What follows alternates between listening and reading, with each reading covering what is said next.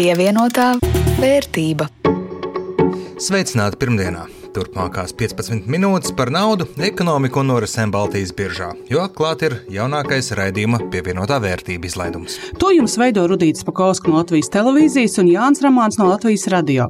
Šodien par ekonomikas atvesaļošanos pēc Covid-19, kā situāciju redz politikas veidotāji un individuāli uzņēmēji, cik ilgi būtu jāturpina valsts atbalsta krīzē un kādas ir ekonomikas prognozes un cerības. Protams, kā ierasts raidījuma izskaņā, analizēsim kādu Baltijas biržā kotētu uzņēmumu, lai saprastu, ko tas dara, cik pievilcīgs no ieguldītāja viedokļa ir tā akcijas, bet pirms tam īsi par aktuālo. Pievienotā vērtība. Terasēm būt, un alkoholam terasēs arī būt. Pirms pāris dienām darbu drīkstēja atsākt kafejnīcu, restorānu un krogu ārā terases. Ēdinātāji apmierināti, saka vismaz kaut kāds ienākums. Klienti arī aizcietušies pēc normālas ikdienas gabaliņa plus straumēm. Viena epidemiologa satraukti trauc uz acis. Un kā nu nē, koronavīrusa izplatības rādītāji Latvijā spītīgi nekrīt pat pieaug. Un iespējams šonadēļ atkal nāksies diskutēt par vēl kādiem papildu ierobežojumiem.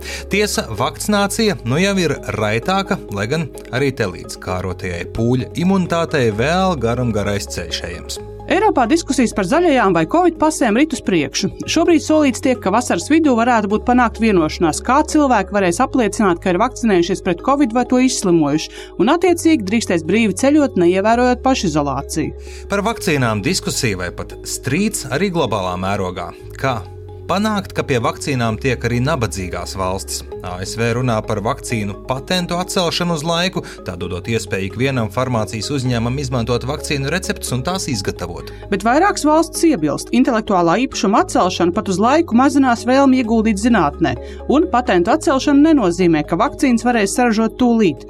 Ražošanas izveidošana varētu prasīt pat mēnešus.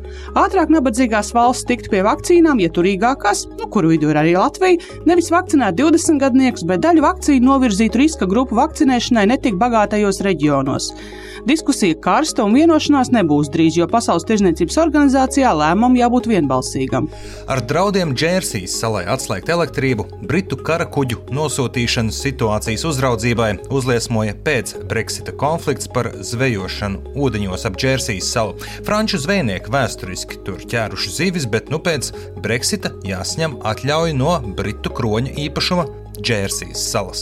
Atļauju jau prasīt var, bet sala izveidojas tādu birokrātisko labirintu, ka franču zvejnieki sašutuši bloķēja Džersijas ostu. Šoreiz konflikts norima, bet viens ir skaidrs: pēc Brexit šādi un līdzīgi strīdi nebūs retums.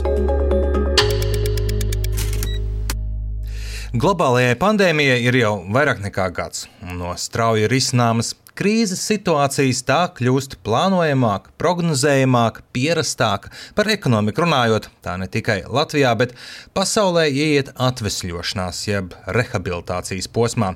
Tādā cerība līmenī varētu pat vilkt paralēlus ar rehabilitācijas smalkā sanatorijā, uz kuru pakojas ar lielu sajūsmu, optimismu, jau iztēlojas, cik viss būs lieliski un pēc tās veselāks un laimīgāks nekā pirms pandēmijas.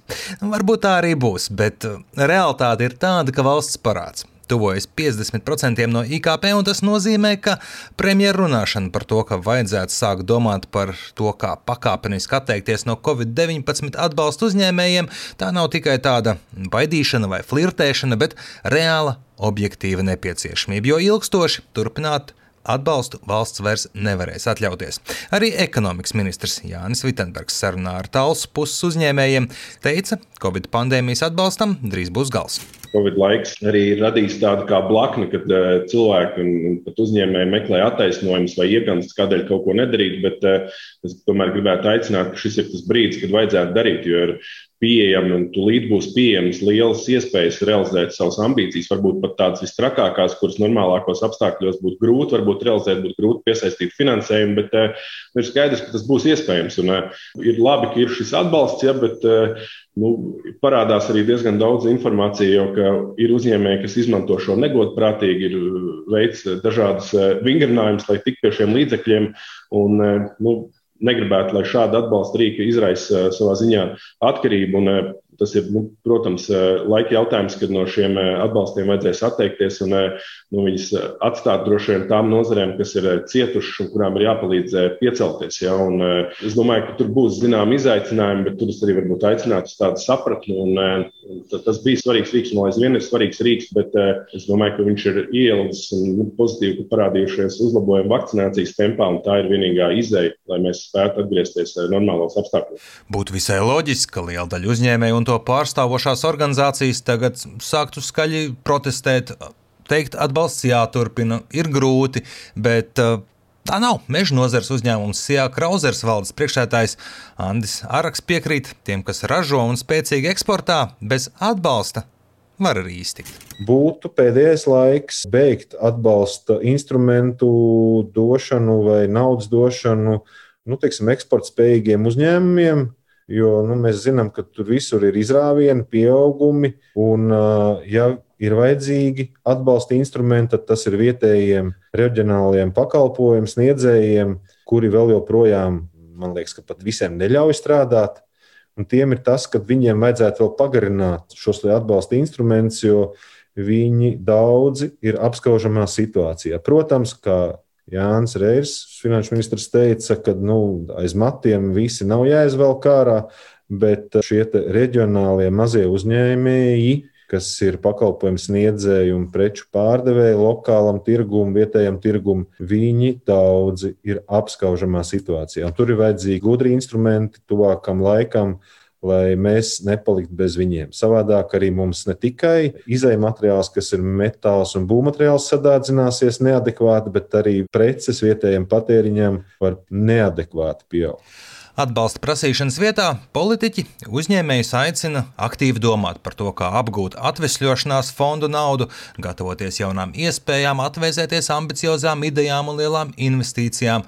Uzņēmēji savukārt Pretī aicina politiķus un valsts pārvaldi būt pašiem ātrākiem un prātīgākiem, pēc iespējas ātrāk nodefinēt, kam tieši būs pieejama Eiropas fondu nauda, jo līdzinājā pieredze ar līdzīgām investīcijām nevienmēr bijusi patīkama un reizēm tā arī maksā visai dārgi. Mums ir svarīgi saprast šos kritērijus, nosacījumus, jo, lai mēs domātu, mums vienmēr teiksim, ir tā, ideja, kuru vajag īstenot nu, maksimāli nu, gada laikā, maksimālais laiks. Pieredze rāda, ka nu, ar Finanšu ministrijas uh, institūciju, kas ir CFLA, tur katrs projekts aiziet divu gadu garumā līdz lēmumu pieņemšanai, un, un arī pēdējie projekti. Iesniegšanas termiņi tiek pagarināti, kas ir pilnīgi slikti.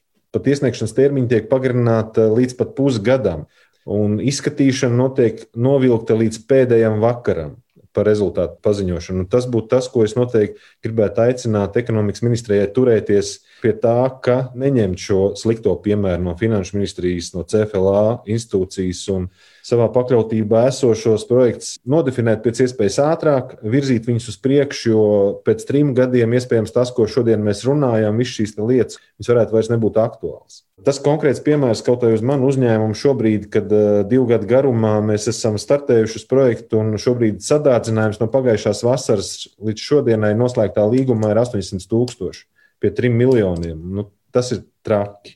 Atliek cerēt, ka gan uzņēmēji, gan valsts pārvalde būs uzdevuma augstumos un ekonomikas atvesļošanās tiešām būs kā smalkā sanatorijā. Ar zināmu piesardzību uz to cer arī banku ekonomikas analītiķi, kuri pa procentiņam vien ceļ augšā ekonomikas izaugsmas prognozes.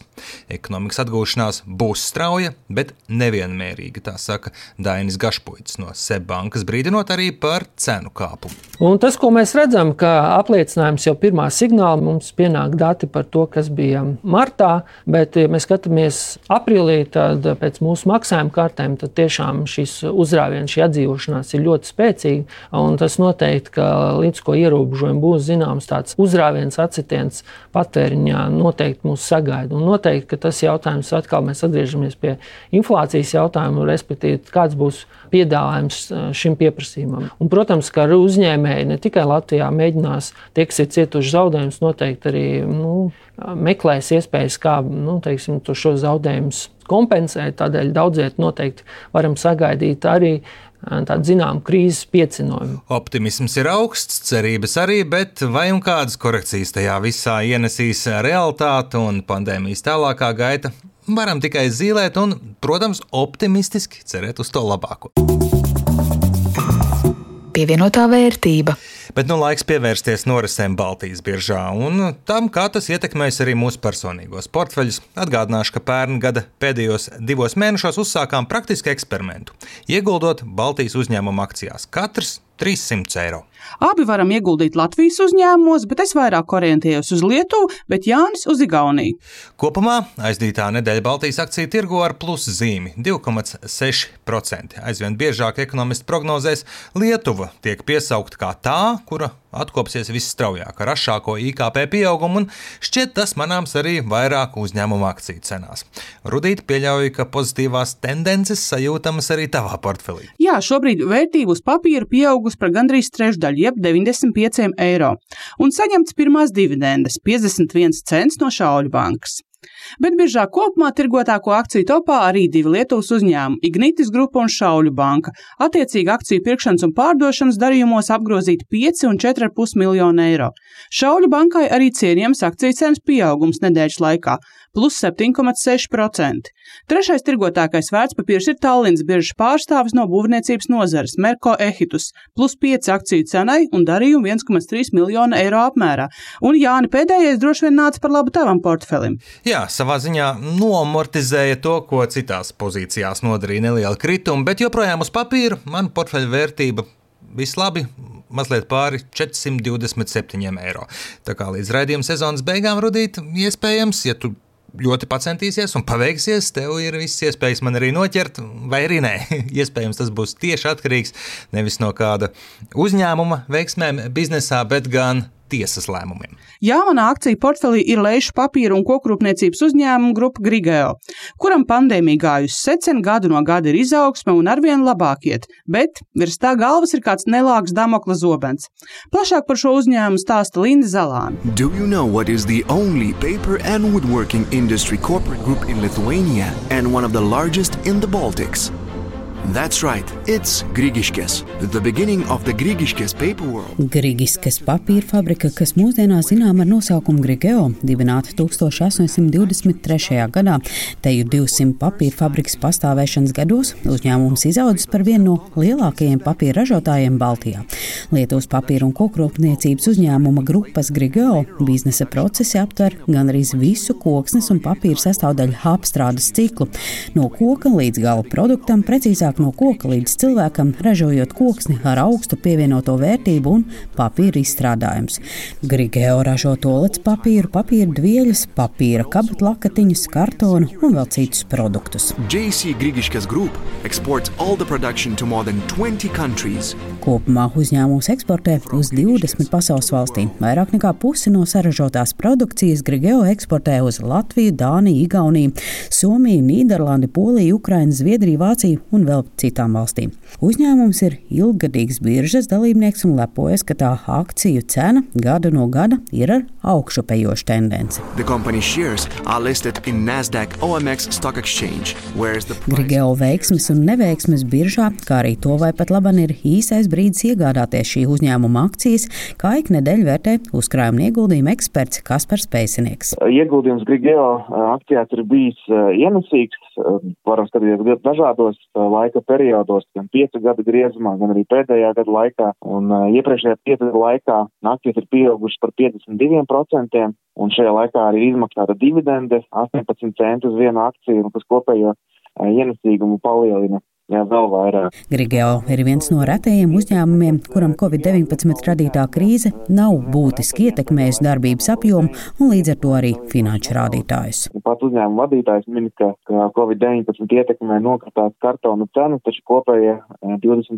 gada rezultāti liecina, ka uzņēmums izdevās saglabāt eh, EBITDA peļņas maržu iepriekšējā gada līmenī un pat nedaudz audzēt eh, neto peļņas maržu. Tomēr uzņēmuma viena no galvenajām problēmām ir tā, ka 2020. gada sākumā Grigeo meitas uzņēmumā Grigeo Klaipēda tika konstatēts, ka tas ar notekūdeņiem piesārņo dabu. Un tas izraisīja lielu skandālu, kas atcaucās arī Latvijā. Un ir vairākas aizdomās turmās personas un uzņēmuma draudi ap eh, 5 miljonu eiro sots. Kā arī Lietuvas vidas aizsardzības departaments ir iesniedzis tiesā prasību par 48 miljonu eiro kompensāciju par nodarītajiem zaudējumiem vidēji. Grigio gan ir pasūtījis neatkarīgi novērtējumu par ietekmi uz vidi, kurā kontakta ietekme ir bijusi minimāla, nu, un pat uzņēmums līdz ar to nepiekrīt šādai kompensācijai. Nu, taču, kamēr nav noticis pilnīgs situācijas, un, teiksim, atrasinājums nav piemērots konkrēts sots un nav arī informācijas par tālāku virzību par šo prasību, nu, tikmēr pastāv būtiski riski kompānijas finanšu rādītājiem. Taču kopumā 2020.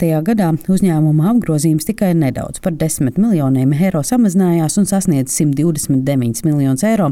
Tiesa arī iepriekšējos gados uzņēmums nav spējis ievērojami audzēt apgrozījumu līmeni. Tāds pats apgrozījuma līmenis bija arī 2017. gadā. Tajā pašā laikā šajos gados būtiski pieaugušas bruto peļņas maržas, tāpat arī neto peļņas marža. Pozitīvi arī vērtēt būtiski samazinājās kredīta saistība apmēra. Kopumā varētu teikt, ka finanšu stāvoklis ir būtiski uzlabots, un tas šobrīd ir labs. Ja skatāmies uz valuāciju, tad cenas un peļņas attiecība ir mazliet zemāka nekā iepriekšējā desmit gadu vidējais līmenis. Tāpat tās arī cenas un bilances attiecība. Nu, kopumā varētu secināt, ka uzņēmums šobrīd ir adekvāti novērtēts. Pērn uzņēmums izmaksāja arī dividendus 12 centus par katru akciju, kas pie pašreizējās akciju cenas dod 7% dividendžu ienesīgumu. Tas vērtējums kā pievilcīgs ienesīgums. Jautāja Kasparam Pēciniekam, vai šobrīd ir īstais brīdis iegādāties Grigeo akcijas. No vienas puses Grigeo šķiet ļoti pievilcīgs ieguldīšanai, jo tam ir labs finanšu stāvoklis, labas peļņas maržas, salīdzinoši liela naudas līdzekļu apmēri, sarūkoši aizņēmumi, bet tam arī valuācija ir salīdzinoši pievilcīga un augsts dividendžu ienesīgums. Taču no otras puses ir šis potenciālais sots līdz 5 miljoniem eiro, kā arī prasība par vidiem nodarīto zaudējumu līdz 48 miljoniem eiro. Un ja vēl 5 eh, miljonu eiro sots, eh, protams, atstāt ietekmi, bet ne pārāk būtisku uz uzņēmumu darbību, tad 48 miljonu eiro eh, kompensācija būtu milzīgs sloks, nu, kur atrisināšanai droši vien būtu nepieciešami daudzi gadi. Un tāpēc šoreiz man ir grūti sniegt vai pat nevaru sniegt pārliecinošu vērtējumu par to, vai uzņēmuma akcijas šķiet pievilcīgas vai nē. Es pats tajā neieguldīšu, jo nevēlos uzņemties potenciāli ļoti strauju akciju cenas kritumu. Tas notiktu gadījumā, ja vidas piesārņošanas lietā būs uzņēmumam nelabvēlīgs spriedums. Tomēr Pēcinieks teica, ka tiem, kuri tic, ka Grigeo neatkarīgo ekspertu vērtējumi ir spēcīgi, tad nelabvēlīgais scenārijs varētu arī neīstenoties, un tādā gadījumā uzņēmuma akcijas šobrīd ir samērā pievilcīgas ieguldīšanai. Linda Zalāne, Latvijas radio.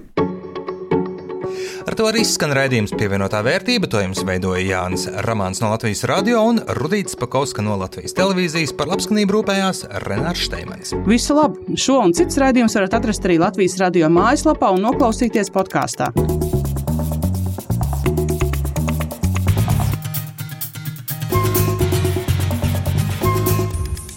Pievienotā vērtība.